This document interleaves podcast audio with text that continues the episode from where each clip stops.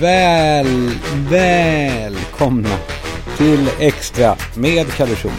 Jag eh, sänder idag från eh, eh, någonstans i trakterna mellan Karlstad och Kristinehamn i, i Värmlands skärgård.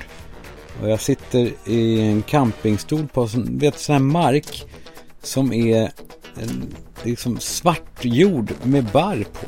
Bara, typ. Det är liksom underlaget.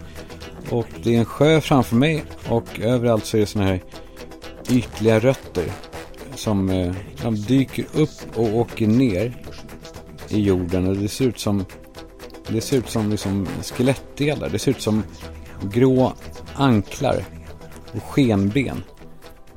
Det är, det är liksom, jag får typ dåligt samvete när jag går emot dem. Eller, eller så, jag snubblar på dem. Det blir så här oj, oj, oj, det känns som att jag stör tallen eller vad det är.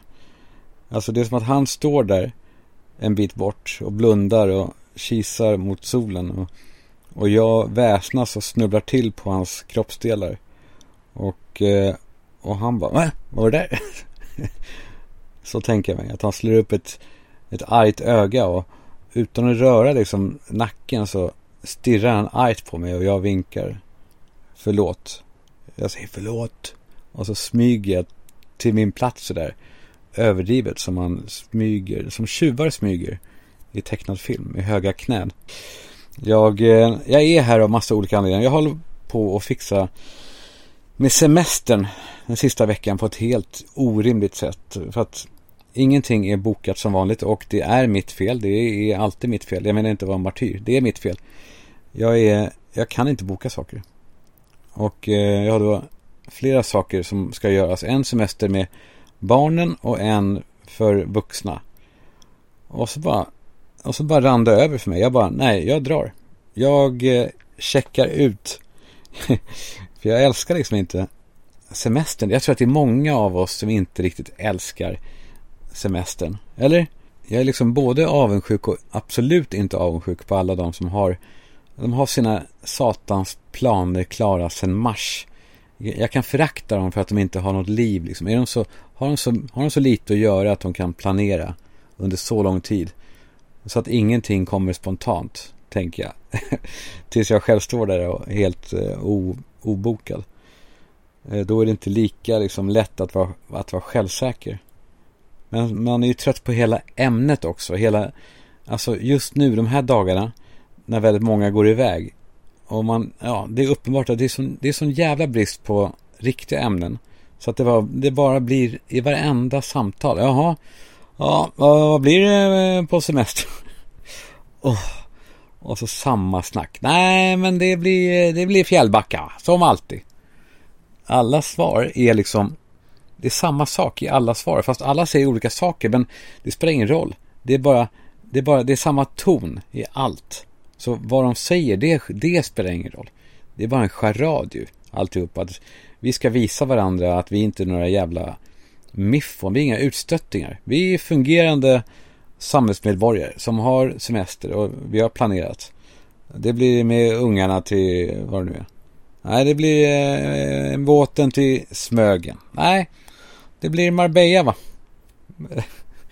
Ja, vad skönt säger man. Åh, vad härligt. Åh, vad skönt. Åh, vad fint. Det säger man. Och eh, ja, nej, nu blir det fint att zona ut i tio veckor. Zona. Heter det zona ut verkligen? Är det inte, är det inte zooma ut? Alltså att man zoomar ut bilden. Alltså att man ser mer av omvärlden. Att man, att man får en större blick. Jag hade fattat det här med zona ut. Om ni vet så får ni gärna, gärna höra av er. Men, eh, ja men sen också, alltså, att vara ledig i tio veckor, det är ju någonting ganska perverst i det, eller hur? Eller? Eller? Am I right? Am I right? Jag, eh, jag tycker det är någonting äckligt i det. Och jag fattar inte heller hur det, hur det går ihop för folk. Alltså, barnen har då ledigt i tio veckor. Mammor och pappor, i alla fall Eh, i mina kretsar, de, de är de med sina barn i tio veckor. Och det, det går ju inte. Alltså, man har väl inte en semester så länge. Man har väl en semester i liksom, max sex veckor. Och då, det ska ju räcka för hela året. Hur fan gör folk? Men tydligen så, ja det ska gå ihop. Det, och det går ihop. Så jag antar att det är nog kanske så att det inte går ihop. Att det är rätt många föräldrar där ute som, eh, som ljuger. Alltså som inte alls ska till Smögen på fredag utan om två veckor typ. Alltså att de, eh, nej men de, eh, de skarvar. För att det ska låta bra. Det ska låta som att de har tio veckors med, med ungarna. Och sen då så får man ju, ja men det minns man ju, när man kom tillbaka till skolan och man skulle berätta om sin, sitt sommarlov. Och den här mätningen då som blir så jävla omedelbar mot de andra barnen. Alltså vem hade det bäst? Vems föräldrar är bäst? Det handlar ju då, ja det fattar man ju inte då, men, men det handlar ju såklart om massa olika ekonomiska och praktiska saker som spelar in. Men den här mätningen när alla skulle berätta vad de har gjort. Fan vad smärtsamt det var. Det pågår väl inte längre? Väl? Eller? Inte öppet i alla fall. Tom Allan, min son, han har fått i, i läxa att skriva dagbok om eh, ja, alla dagar hela sommaren om vad han gör. Och jag hoppas att vi inte ska läsa den högt. För att då blir det, då blir det pinsamt kanske för, för pappa Schulman.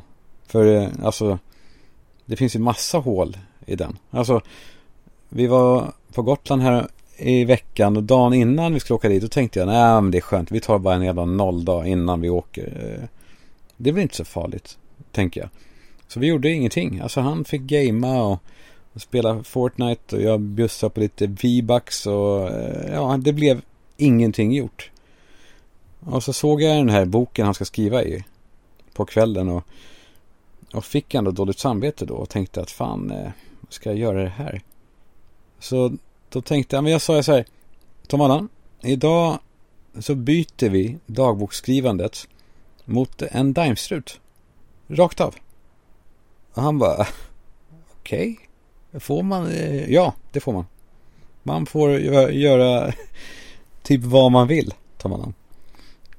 Nej, men det är någonting med, med det här snacket om semestern som är så plågsamt. För att det handlar som sagt bara om att alla ska ställa sig i ledet ju och act fucking normal. Det är det, det är det som är hela grejen. Så jag säger samma sak fast jag inte har en enda plan. Jag säger eh, det till alla.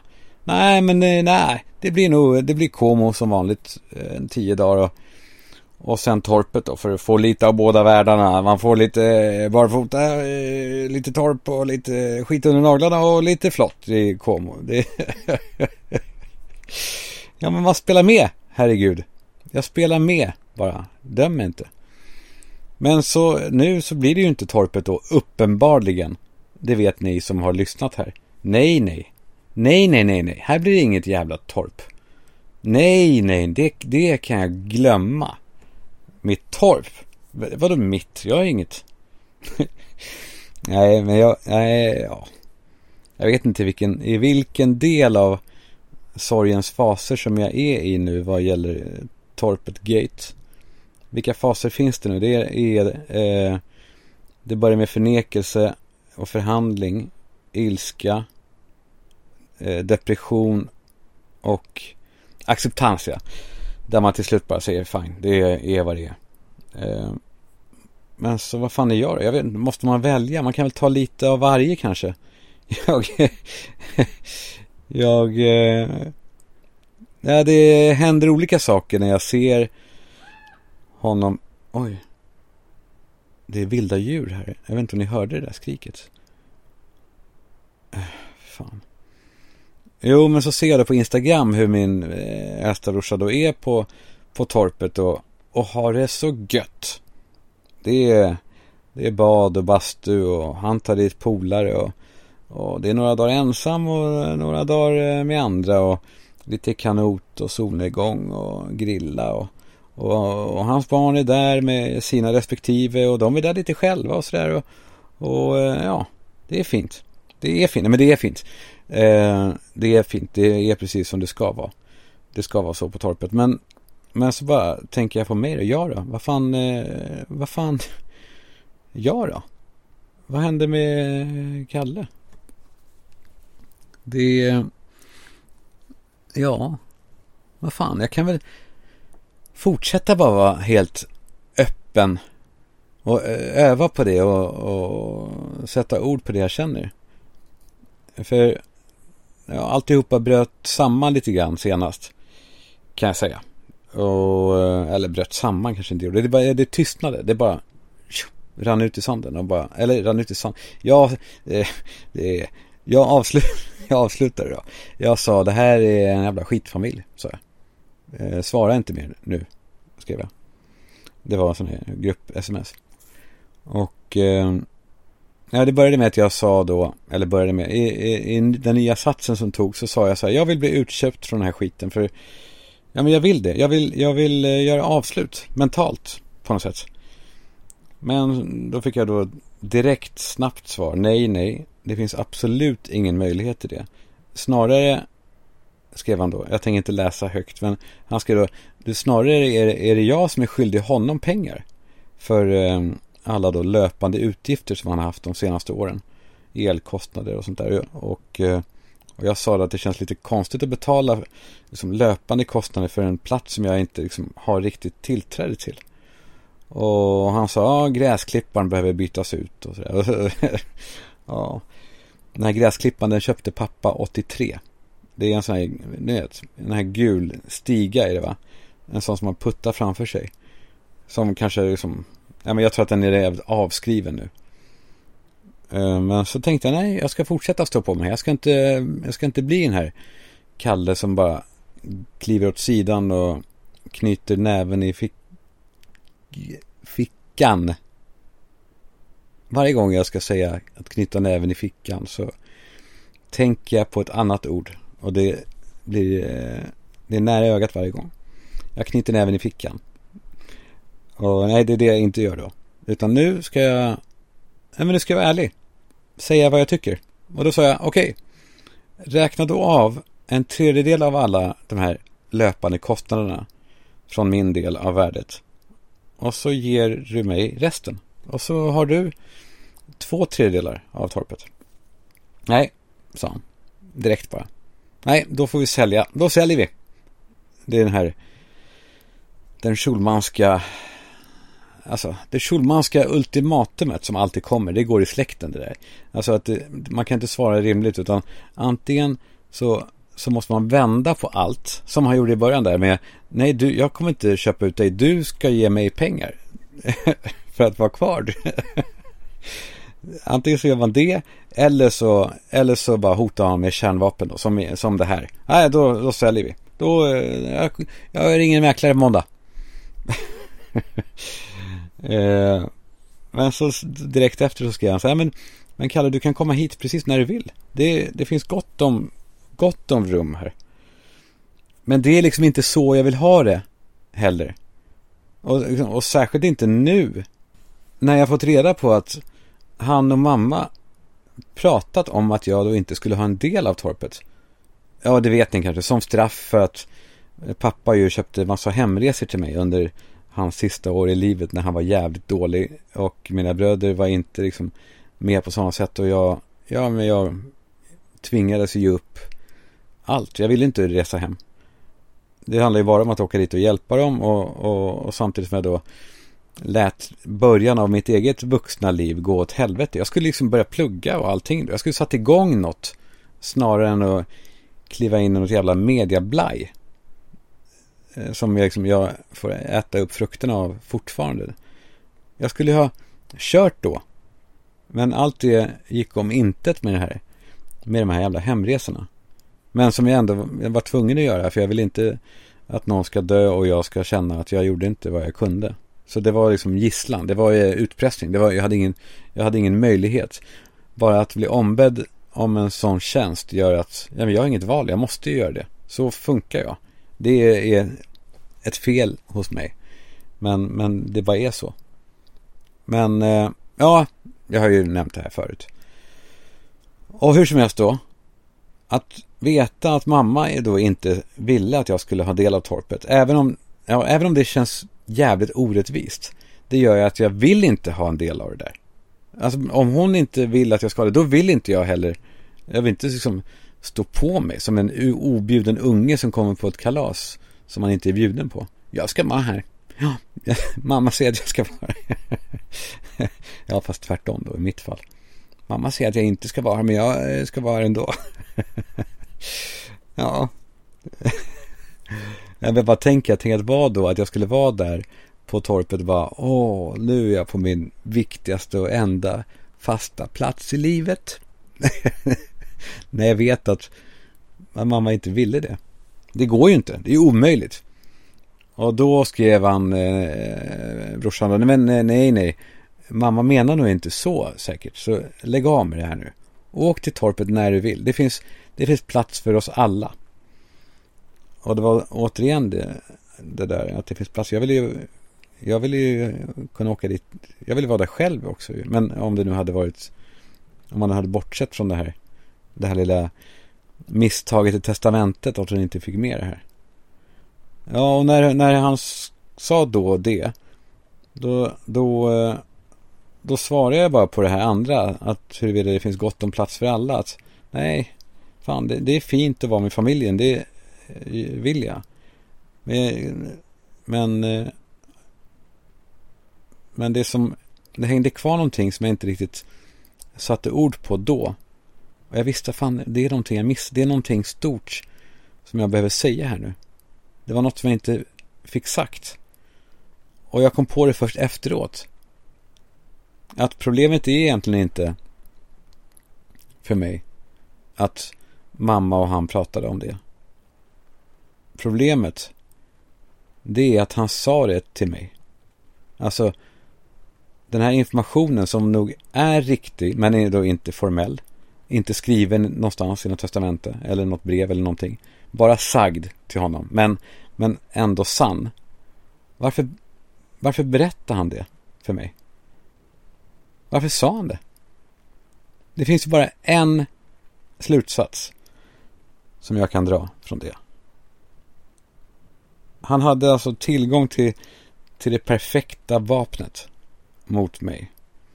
Ett vapen som inte bara skulle göra mig ointresserad av att någonsin komma till torpet igen, utan också såra mig extra djupt. Inte bara framåt, utan också såra mig bakåt. I att mamma då ropar från graven att jag var dålig. Att jag inte var bra, att hon inte var nöjd med mig.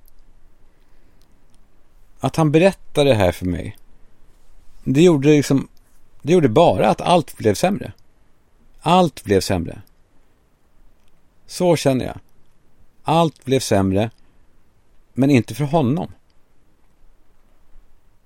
För honom blev ju allting bättre. Och det är det som är så jävla märkligt med ja, men med förhandlingstekniker som när man är barn och, och ska dela någonting och, och den ena skär och den andra väljer. Man har en sån här glassbit med de här tegelformade glassbitarna. En skär, den andra väljer. Men i många fall nu, eller många fall, men vissa fall, då råkar man ut för situationer där en skär jätteojämnt och väljer den största delen. En bara gynnas. Alltså, en deltar inte i det här att alla ska vinna på någonting.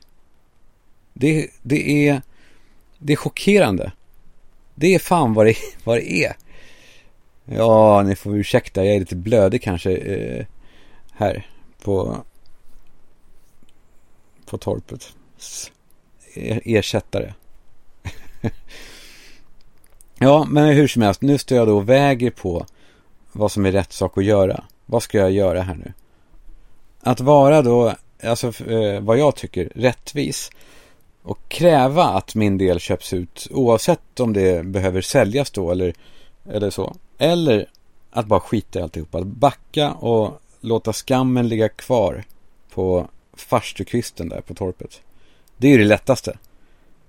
Men då kommer den här frustrationen som jag har nu, den kommer leva kvar länge.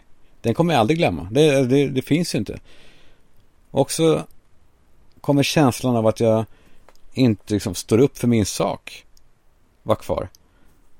Alltså den här rädslan för att vara obekväm för andra. Jag kommer inte lära mig någonting. Jag kommer inte bli en bättre person som, som som står på mig och, och vågar vara obekväm. Jag, eh, nej men jag, jag kanske inte ska ta sånt här mer nu i livet. Mina bröder kan säga vad de vill och beskriva vår barndom och böla och må dåligt hur mycket de vill och beskriva det på sina sätt. Men, men saker blev väldigt dåliga i familjen när, när jag var yngre och mer skyddslös än vad de var. Och jag var dessutom kvar längre. När, allting, när, alltså, när allt var riktigt jobbigt, då hade de flyttat. Alltså då, jag var själv med dem i fem år. När allting blev sämre och sämre, eller allting var, då var det misär. Det var, det var inte alls bra för en ensam pojke som jag. Att eh, växa upp där. Det var inte... Det, det skulle man ju kunna säga, fan, var var ni någonstans? Hur kunde ni... Hur kunde ni lämna mig där? Det kan man ju diskutera. Om nu allt annat är uppe på bordet menar jag. Om det nu är det. Jag vet inte vad som är rimligt att prata om och inte högt inför andra och sådär. Men jag tänker i alla fall göra det nu. Jag tänker inte... Ja, jag tänker att jag tycker... ja, eller så åker jag dit och eldar upp en tredjedel av stället. Det skulle också vara värt på något sätt. Alltså, inte särskilt storsint eller... Eh, Eh, inte så vackert. Men fan. Vi är så många som alltid står tillbaka och vi låter de andra bara ta och ta och ta mer. Det är ju så med saker att... Eh, nej men för att någon ska kunna vara schysst så krävs det att, att båda är liksom rimliga i den här förhandlingen. Som med det här med glassen. Den ena skär och den andra väljer. Så ska det vara. Det ska vara så. Men hur kommer det sig att när det inte är så att man finner sig i det, låter den andra göra som man inte tycker är schysst. Ja, för man vill inte vara obekväm, man vill inte bråka. Det är inte, jag är inte orimlig. Eh, alltså, jag vill ju inte ha mer än min rättmätiga eh, lilla tredjedel. Ja. Ja, ni hör, det rör på sig. Eller, det rör på sig hos mig. Vi får se hur det här slutar. Om det här jävla, eh, jävla huset bara säljs då. Ja, i alla fall, hur som helst. Torpet var alltså borträknat som, som semesterdestination för, för min familj. Och, eh, och så bara fick jag ett par dagar ensam. Innan eh, liksom, de här semestrarna kommer igång. Och så hörde något som heter Hippie Camp. Nej, Happy Camp. Happy heter de. Happy Camp. De hörde av sig och, och frågade om jag ville komma och testa ett sånt här, ett sånt här eh, lyxtält i Värmland. Det är ingen el och sånt där men det är otroligt fint. Det är riktigt golv och det är riktiga lakan och allt är bara fixat och man får en matlåda med supermat som man får laga till sig själv och det är så här, det är så här, eh, det är inte, eh, ja, det är, glamping säger ju, jag, jag mår illa av det där ordet. Det är bara i alla fall så som det ska vara att kampa. Man slipper hålla på med presenningar och spännband. Man bara, man bara har det gött. Så jag satte mig i, i bilen direkt bara. Jag tänkte, jag kör, jag tar det. Jag kommer gärna. Och det var hett i city. Turisterna gick omkring som de gör på sina speciella gator. Som, eh, ja, inga locals går egentligen på dem.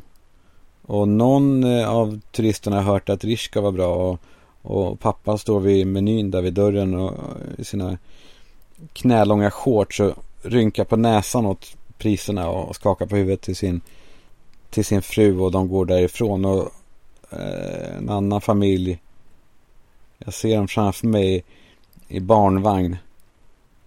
De, de går längs Strandvägen och en av de här en av de här malliga jävla blonda ungarna har en sån här kolossal kexchoklad. Som de har vunnit på, på Grönan. För fan. Jag var, varför blir jag provocerad av de ungarna? Det är någonting, jo det är något groteskt med att det är så mycket, det är så stort. Alltså de säger, mm, nu ska jag hem och äta godis. De är jävla mallgrodor i dem. Usch. och jag vrider AC'n på max i min, eh, ja, vad, vad kör jag? Det vet ni ju. I min, i min IMO. och eh, jag tar mig an rollen som en sån här frustrerad urinvånare. Ni vet, den känslan. Man har väl den ibland. Man skakar på huvudet åt allt som, som är så här utsocknes.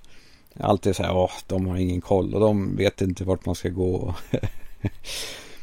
men, eh, men jag hade ett tält i skogen i Värmland helt själv framför mig. Ett tält som inte ligger så väldigt många mil från, från det här, ja, mitt förra torp. Och det kändes ändå laddat. Att åka själv också i bilen med packning kändes som när man rymde hemifrån utan plan som barn. När man knappt har hunnit utanför dörren och tänker så här, vad fan, fan nej, jag skiter i det. Vad ska jag göra? Vad ska jag iväg och göra? Jag kommer bara tröttna. Nej, det är lika bra jag stannar. ja, jag vet inte. Man undrar så här, vad är det för bild man har målat upp av det man ska vara med om? Alltså tror man att det ska vara så här, wow, epokgörande i livet. Man, så bara, nej jag vänder det, jag åker hem igen. Men den här gången så fortsatte jag att köra. Och min Imo var min häst. Och gjorde vad den skulle. Och den gjorde det, den gjorde det bra. Och så slog det mig när jag åkte förbi Örebro. Att den senaste gången som jag hade den här känslan när man är liksom past the point of no return. Exakt ja. den senaste gången jag hade den känslan eh, i, i, form av en sån här resa var för typ 13 år sedan måste det vara, så Penny fanns inte. Jag hade ett veckobrev som eh, folk prenumererade på, alltså så här, e- e-post. jag skrev eh, en e-mail till, till folk. Det var, det var ganska stort, det var flera tusen som, eller ja, det var många som prenumererade på det här. Och ja, det var lite små texter, lite skoj och, och trams och, och min grej var att jag skrev de här veckobreven som att det var rena mail. Det var inte massa bilder och så, utan det var bara så här, eh, som ett riktigt vanligt mail. Helt liksom personligt. Ja, det låter inte så unikt nu när jag berättar, berättar det. Men då var det så här, wow, fan vad fräscht. Eh, på något sätt. Ja, men så var det en person som väldigt ofta svarade på de här mejlen. Eh, och han skrev då vad han gjorde och vad han tänkte och tyckte om saker. Han svarade på dem så att, så att jag, ja, det verkade som att han trodde att de här mejlen var till honom. Alltså att jag skrev till honom, bara. Eh, det blev nästan plågsamt i det. Jag kunde liksom inte svara på hans mejl, men han fortsatte svara. Väldigt trevligt. I vecka efter vecka liksom. Och eh, ja, alltså en gång så bara kände jag fan ändå, han skriver bra. Jag svarar nu. Och så inledde vi en, en brevväxling. Som var, eh, det var något fantastiskt i det, för den var så, den var så anonym. Det var bara två personer som skrev till varandra.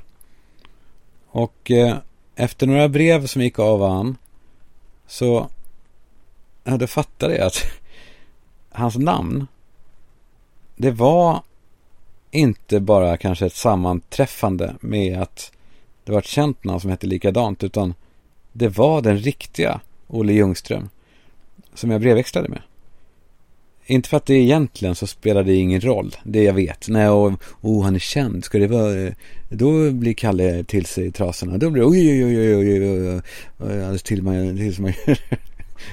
oj, vad det var. Nej, det är inte det, det spelar ingen roll, men Olle Ljungström är speciell. Han är någonting annat, han är inte eh, kändis, eller vad. Så det gjorde ändå att det fick en extra laddning på något sätt. Han hade en sån jävla dragningskraft. Snygg och begåvad och svår. Men så i ett av de här vanliga veckobreven som jag skickade till alla så skrev jag att jag skulle eh, åka bil till Varberg senare, senare och eh, Olle svarade då i ett mejl att eh, ja, du kanske kan stanna hos mig på vägen. Eh, han berättade att han bodde i ett hus utanför Alingsås. Det var ett hus eh, i Gräfsnäs tror jag det heter. Och när jag åkte, när jag satte mig i bilen så hade jag liksom samma känsla av, av rädsla på något sätt. Rädsla för att jag skulle känna mig meningslös. Så, ah, så hela tiden så bara, nej jag åker hem igen. Jag, jag, vad, ska jag, eh, vad ska jag ut och göra egentligen? Jag, jag vänder. Men jag fortsatte då också och, och under resan så hörde Olle av sig då och då. Han bad mig köpa ett paket cigg. Och sen så la han till efter en stund så vi, kan du köp tre paket när du, när du ändå är på gång. Och så kom fler sms. Lite rött vin. Kanske vore trevligt om du ville ta med dig. Kanske ett par flaskor. Kanske fyra. Kanske fyra flaskor kan du ta kanske. så det blev mer och mer en beställning av saker han behövde. Eh, men såklart, jag köpte med mig allt. Och så kom jag fram till hans hus till slut. Eh, ytterdörren till det här, eh, det var också typ av torp som jag minns det. Ytterdörren stod öppen. Och genom den så såg man genom hela huset till trädgården som var där bakom. Och på den andra sidan, där stod Olle med ryggen mot mig då. På farstukvisten. Med ett gevär mot axeln. Och siktade mot någonting där ute i trädgården. Och han stod länge och jag, jag vågade inte liksom störa av rädsla för att han skulle skjuta av. Men jag vet att han hörde mig för han hade inga hörselskydd eller så. Och jag stod där på framsidan och höll för öronen i väntan på det, på det här skottet. Men så vände han sig plötsligt och ställde ner geväret och tittade mot mig och skrattade. Och sa att eh, nej, han skjuter bara, det var luftgevär. Jag, jag kan inte se skillnad på sådana.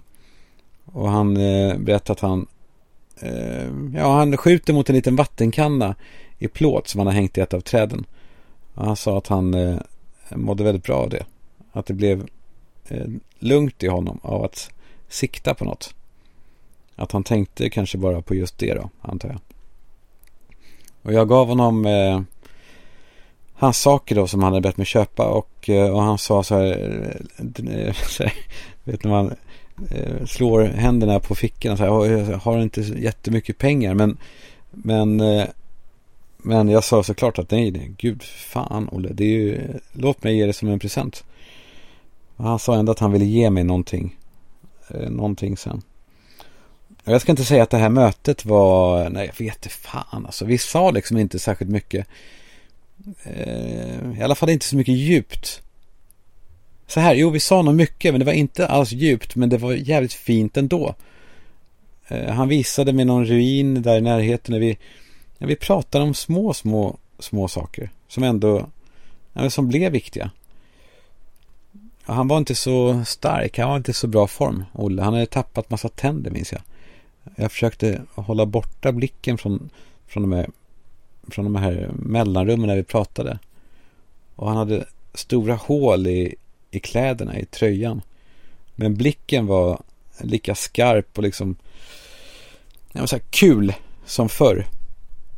Och tröjan var ändå av tjockaste, finaste kashmir.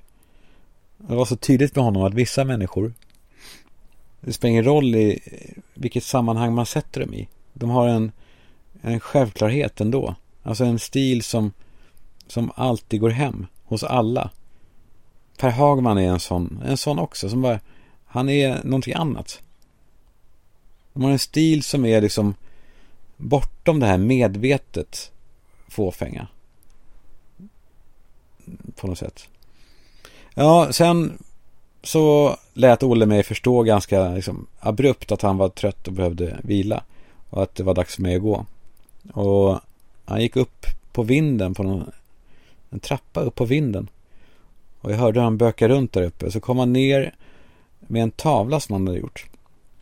Och han sa att den var gjord med mig i tanken. Och nu när jag säger det så låter det som att jag, jag tror själv att jag skarvar det. Men, men jag tror ändå att han sa så. För det här motivet var så märkligt. Att jag skulle liksom inte kunna fantisera ihop det. För det var, det var så jävla... Alltså så här. Jag, han, han sa det. Att han hade gjort det med mig i åtanke. Men han hade nog inte gjort det med mig i åtanke. Eh, förstår ni? Så att det är inte så att jag ljög. Han sa så, men det var nog inte så. Ja, Och eh, för den här tavlan, det var liksom, eh, ni vet det här, ni vet det här flisiga spånmaterialet som, som fanns på sådana här billiga tavlor man köpte och satte glasram på. Och tryckte in, ni vet, de här, man trycker in så metallklämmor på fyra ställen. Som metallklämmor som är härliga att sätta in och dra ut och sätta in och dra ut. Sådana här, eh, ja ni vet. Eh, ja, så har han då tejpat över de här hålen för metallklämmorna och eh, satt en tapet. Han har klistrat en tapet över hela, hela spånskivan och skrivit Michael Jackson. Och så har han då klippt ut ett ansikte från en kvällstidning. Och den här tavlan, alltså den, den har ju något, jag, jag är ingen konstkännare. Men den har någonting, men jag vet inte fan vad. Den sitter inte uppe hemma. För jag vet liksom inte vad jag ska göra med den. För den, det är bara en spånskiva som är inklädd i tapet. Jag vet inte fan. Ja, varför, jag vet inte fan varför jag berättar det här ens. Jo, jo, jag berättar det här. För att man kan få stora minnen av små saker. Det var det jag ville komma till. Att, och att man inte ska vända om när man känner för det. Man ska inte göra sig så bekväm. Utan fortsätta. Även om det känns jävligt larvigt ibland. Så, så, så som jag gjorde då. För nu är jag här i Värmland. Och jag går runt och pillar. Som man gör. Och eh, ja men det är många timmar man är själv liksom. Och, och när jag kommer på mig själv. med att liksom vara en liten pojke igen så blir jag, känner mig sådär dum. Men så försöker jag vifta bort det så kommer jag in i, i pojken i mig igen. När man sitter på huk tills knäna domnar bort. Och jag tänker att den här örnen som cirklar över mig är min vakt. Och så kastar jag jättestora saker i sjön. Så att det plumsar mer än någon annan någonsin har fått något att plumsa. Jag är bäst på det. I världen. Någonsin. Och jag testar vad som brinner och inte. Jag, jag, ger, jag ger min eld svåra matcher. Jag... det känns förbjudet va, att elda plast, men jag eldar mycket plast. Allt som jag hittar för att se hur märkliga färger elden får. Och så hittade jag en påse popcorn här som ingick i det här kittet man fick när man flyttade in. Och så hällde jag kokosolja i en påse och så massa popcorn i.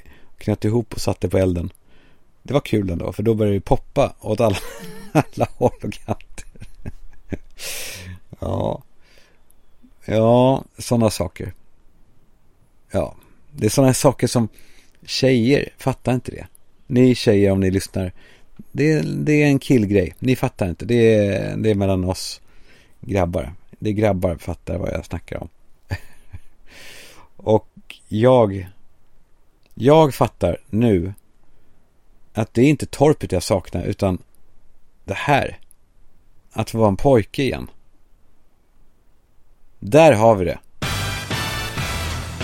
Små pojkar använder dock inte nikotinpouches från Vid. Det använder bara stora pojkar och flickor. Och de som inte vill uppge kön när de fyller i formulär. Det är roligt att man kan välja, vill inte uppge. Nej, jag vill inte säga. Nej, det, det har inte med att göra. Vid är i alla fall det kanske bästa tipset nu inför sommaren. För fan, se till att du är kittad med vid så du inte... Nej men, eh, du vet. Eh, det kan gå illa liksom. Jag säger inte att det kommer gå illa.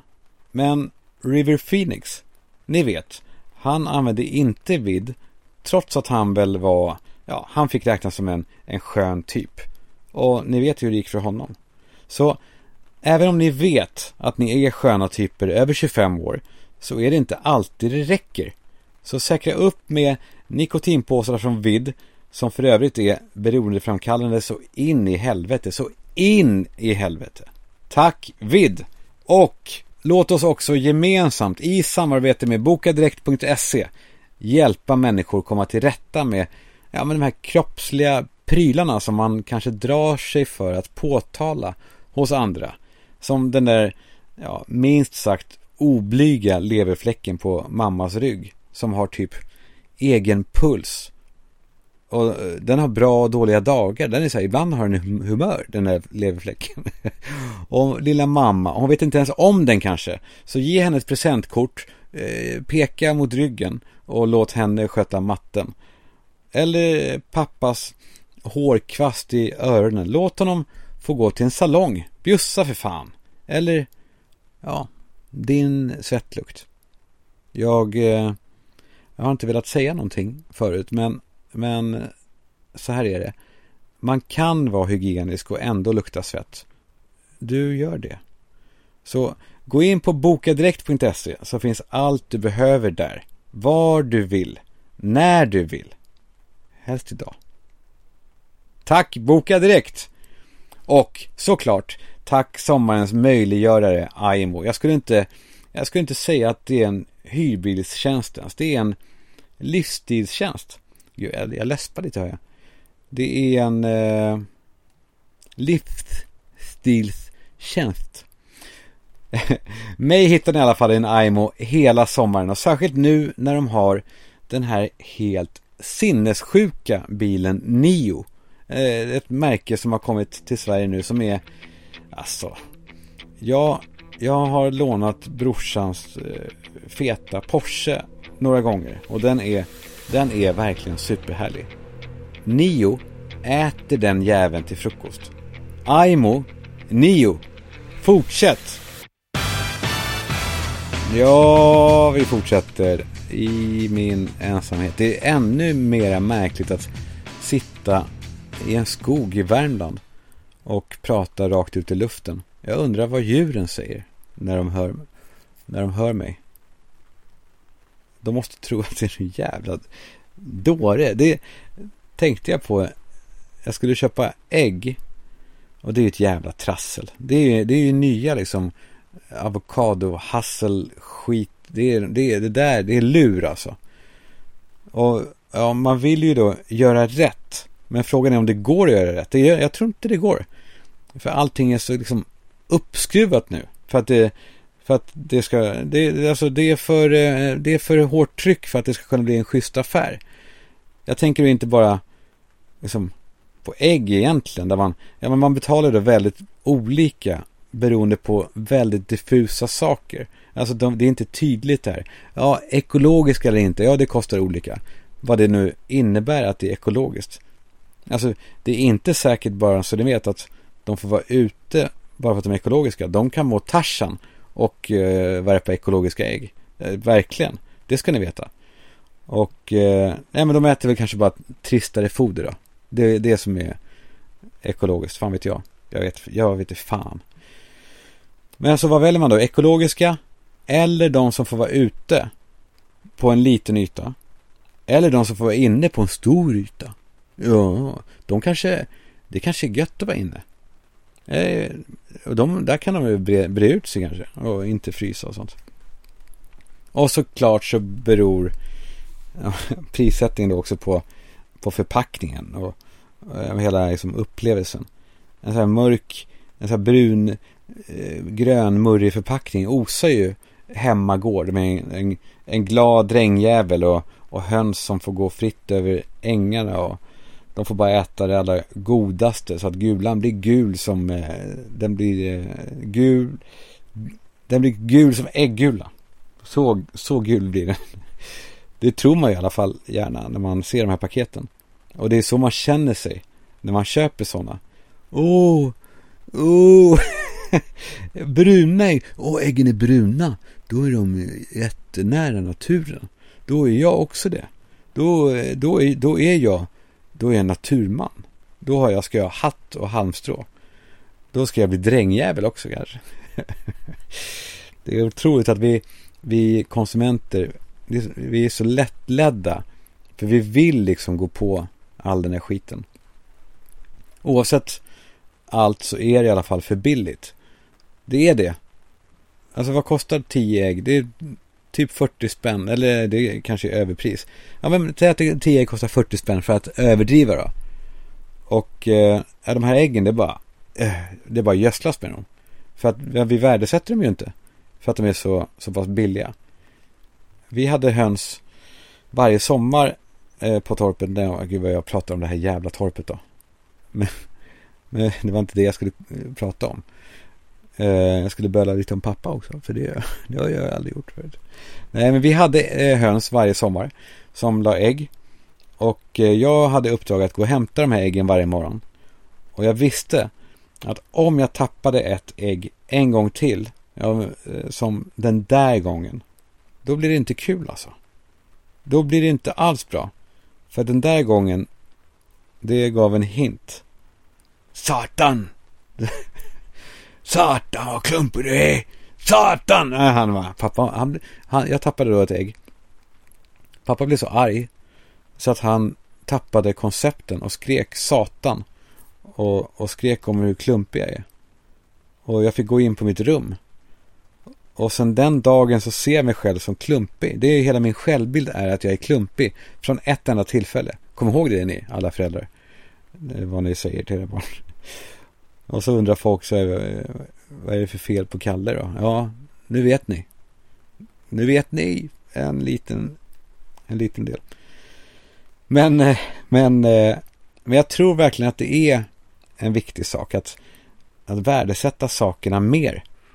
Genom att, ja men kanske att vi helt enkelt bara ska strypa tillgången på sakerna. Alltså, som med äggen, vi släpper bara fram schyssta ägg.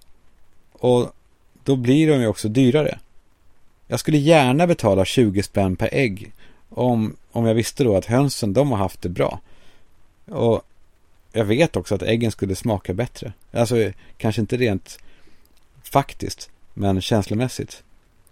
Tänk att få, tänk att få se en skylt där det sex norpade ägg från gården. 120 spänn. Ja tack, den, den, de tar jag. Samma sak är det med köttet som är äckligt billigt. Det är alldeles för billigt. Vad är det? 50 spänn för ett helt paket köttfärs. Eller en sån här, en sån här bytta köttbullar som ja, men de som luktar bajs redan när man öppnar dem. Och luktar likadant när de kommer ut ju. Mamma Scans eh, jävla fruktansvärt vidriga eh, köttbullar för 20 spänn. Det är inte rimligt. Det är för billigt. Det, det går inte. Någon betalar. Och ja. Alltså, jo, jag vet. Att de kanske inte eh, är extremt kötthaltiga heller. Det är typ så här, kan innehålla spår av kött. Men ändå hela grejen. För det är ju inte heller några toppengrejer som de har i istället för köttet. Eh, som utfyllnadsmedel. Ja, så Nej, men det, det, är, det är för dumt det här alltså. Och jag fattar då det fina demokratiska i att alla ska ha råd med mat och så. Men, men om alla ska ha råd då slarvas det. För då, då köper alla det hela jävla tiden.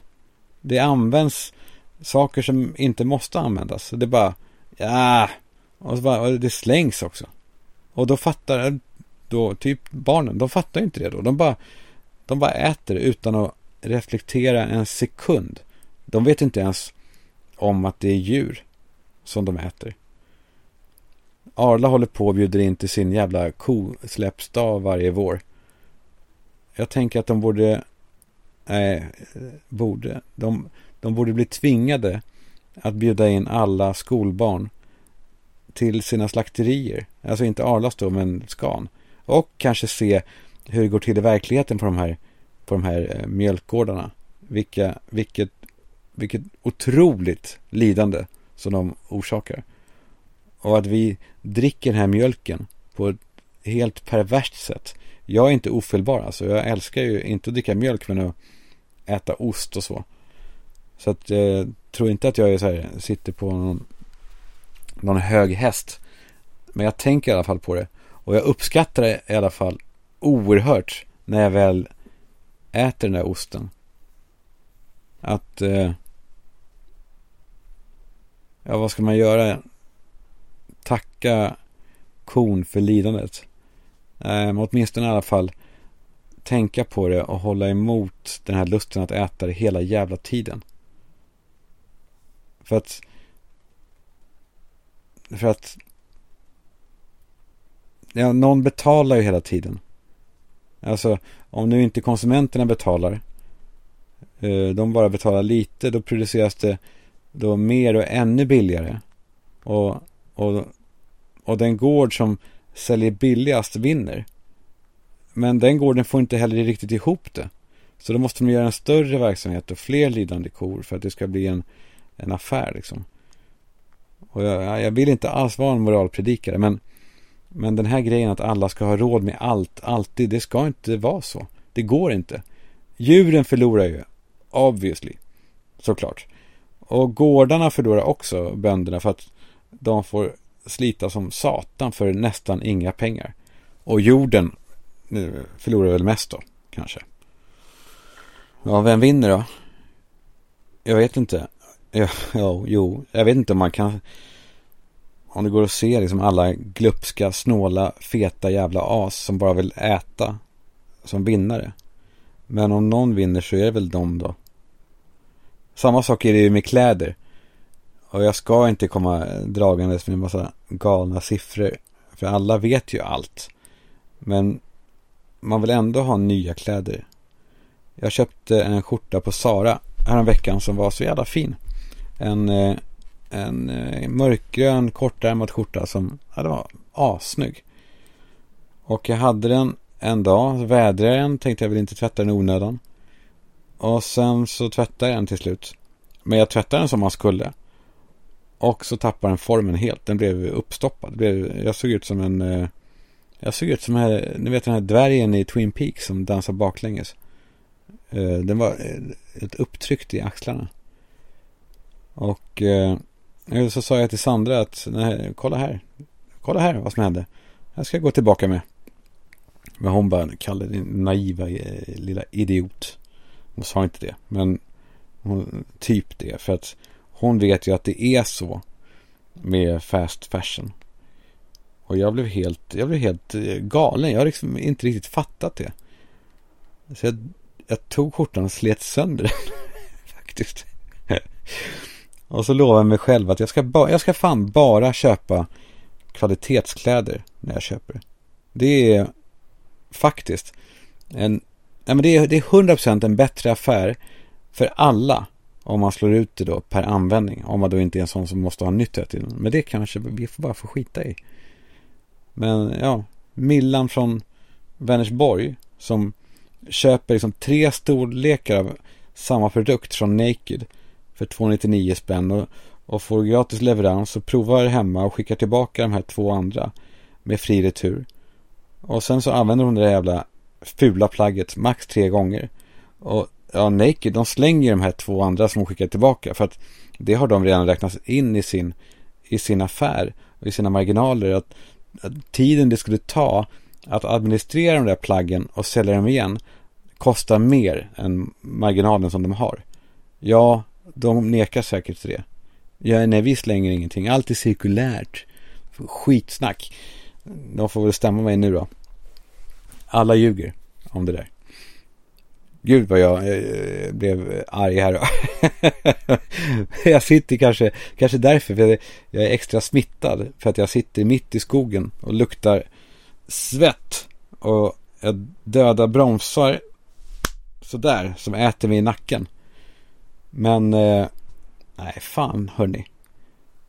Man kan inte vara med på det här längre. Det är, det är för äckligt den här konsumtionen, den, den, den har slagit över. Jag tänker på när man går ut med soporna och påsen är så tung att handtagen går av. För att påsen är full med mat. Det är, in, det är inte bra, det går inte. Det är omöjligt. Det får inte vara så. Och man behöver liksom inte offra allt. Tvärtom ju. Det är mycket härligare om ni och jag Ja, ni och jag. Vi skippar den här skräpströmmen. Och vi kör färre men värre. Kan inte vi göra det? Fan vad härligt det vore. Vi, vi köper bara högsta kvalitet, men mera sällan. Och så tar vi hand om våra saker. Vi, tar hand, vi äter upp maten som vi köper. Vi hedrar djuret som har fått sätta livet till. Eller eller blivit plågad för sin mjölk. Vi hedrar dem åtminstone i alla fall. Och håller emot den här lättjan och viljan att bara ha mer och mer. Tänk om vi kan bli mer, vi behöver inte bli militanta och vara så här aktivister och hålla på, vi behöver inte snacka om det med andra.